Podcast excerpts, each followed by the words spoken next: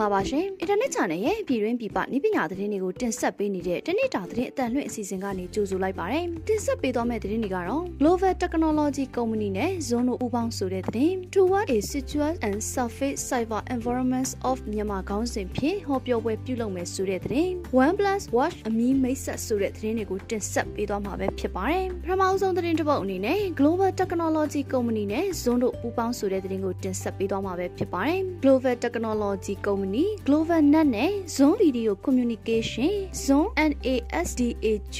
ZM Full Site of Solution တို့အနေနဲ့တရားဝင်ပူးပေါင်းလိုက်တယ်လို့သိရပါတယ်။ Zone နဲ့ပူးပေါင်းမှုအသစ်မှာနိပညာပိုင်းတွင်ဦးဆောင်နေသော Zone ရဲ့ Product Site အစုံကိုမြန်မာနိုင်ငံဈေးကွက်အတွင်းသို့ဝင်ရောက်လာစေသောပထမဆုံးအခွင့်အလမ်းဖြစ်ကြောင်းအဆိုပါအစီအစဉ်ကနေတဆင့် Global Technology ရဲ့မိဖက်တွေဖြစ်တဲ့ Zone ရဲ့ Video First Unified Communication Solution အပါအဝင် Zone Meeting Zone Room နဲ့ Zone Webinar တို့အတွက် access ရရှိနေပြီဖြစ်တယ်လို့လည်းသိရပါတယ်။ Zone ဟာမြန်မာနိုင်ငံအတွက်လုံးဝမရှိမဖြစ်လိုအပ်သောအရေးပါတဲ့ခင်မီဆက်သွယ်ရေး platform ဖြစ်ပါတယ်။ Video ဆက်သွယ်ရေးဈေးကွက်မှာဦးဆောင်နေတဲ့ Zone နဲ့ယခုလက်ရှိကျွန်တော်တို့လုပ်ငန်းစုပူးပေါင်းမှုအတွက်အလွန်စိတ်လှုပ်ရှားနေပါတယ်လို့ Global Technology Group ရဲ့ co-founder နဲ့ chairman ဖြစ်သူဦးရှိန်သူအောင်ကပြောပါတယ်။ဆက်လက်ပြီး Toward a secure and safe cyber environment of Myanmar ခေါင်းစဉ်ဖြင့်ဟောပြောပွဲပြုလုပ်မယ်ဆိုတဲ့သတင်းကိုတင်ဆက်ပေးမှာပဲဖြစ်ပါတယ်။ရန်ကုန်တိုင်းဒေသကြီးကွန်ပျူတာပညာရှင်အသင်းကနေကြီးမှု၍အော်တိုဘာလ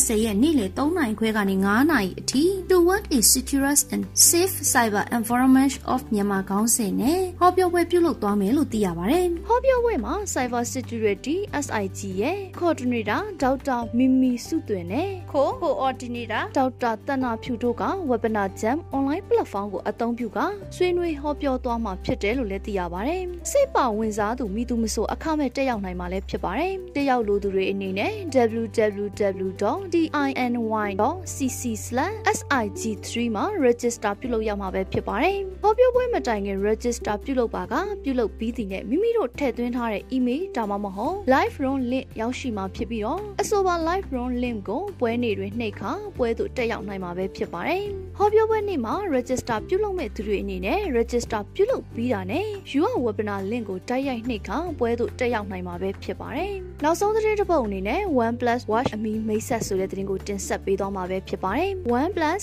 HD smartphone ကိုမိတ်ဆက်လိုက်ပေမဲ့ကာလရှည်ကြာစောင့်ဆိုင်းနေရတဲ့ OnePlus Watch ကိုတော့မိတ်မဆက်သေးပါဘူး။ဒါပေမဲ့လည်း OnePlus ကတော့ Watch ကိုမကြခင်မှာမိတ်ဆက်မယ်လို့ Twitter မှာရှင်းလင်းခဲ့ပါတယ်။ OnePlus ဟာ2016ခုနှစ်ကတည်းကစမတ်နိုင်ကိုလောက်ကင်နေပြီးတော့အပိသက်ထုတ်ကုန်ဖြစ်နေပါပြီ။ဒါပေမဲ့လည်း OnePlus ကဘယ်အချိန်မှမိတ်ဆက်မလဲဆိုတာမဆုံးဖြတ်ရသေးပါဘူး။ OnePlus အဖွဲ့က Watch ကိုပုံမကောင်းမွန်အောင်လောက်ကင်နေပြီးတော့အခြားထုတ်ကုန်တွေနဲ့ရှင်ပြိုင်ဖို့အသင့်မဖြစ်သေးဘူးလို့ခန်းစားနေရပါတယ်။အခုတင်ဆက်ပေးသွားတဲ့သတင်းတွေကနိုင်ငံတကာနဲ့ပြည်တွင်းမှာရရှိထားတဲ့နည်းပညာသတင်းတွေကိုအင်တာနက်ဂျာနယ်ကနေတင်ဆက်လိုက်တာပဲဖြစ်ပါတယ်။အခုလို COVID-19 ဖြစ်ပေါ်နေတဲ့ကာလမှာပြည်သက်တွေအနေနဲ့လည်းကျန်းမာရေးနဲ့အာသာဝင်ကြီးဌာနရဲ့လက်ညှိုးမှုတွေနဲ့အညီလိုက်နာဆောင်ရွက်ခါနေထိုင်သွားလာဖို့တိုက်တွန်းလိုက်ပါတယ်။ကျွန်မကတော့ဝေမြင့်မှုပါ။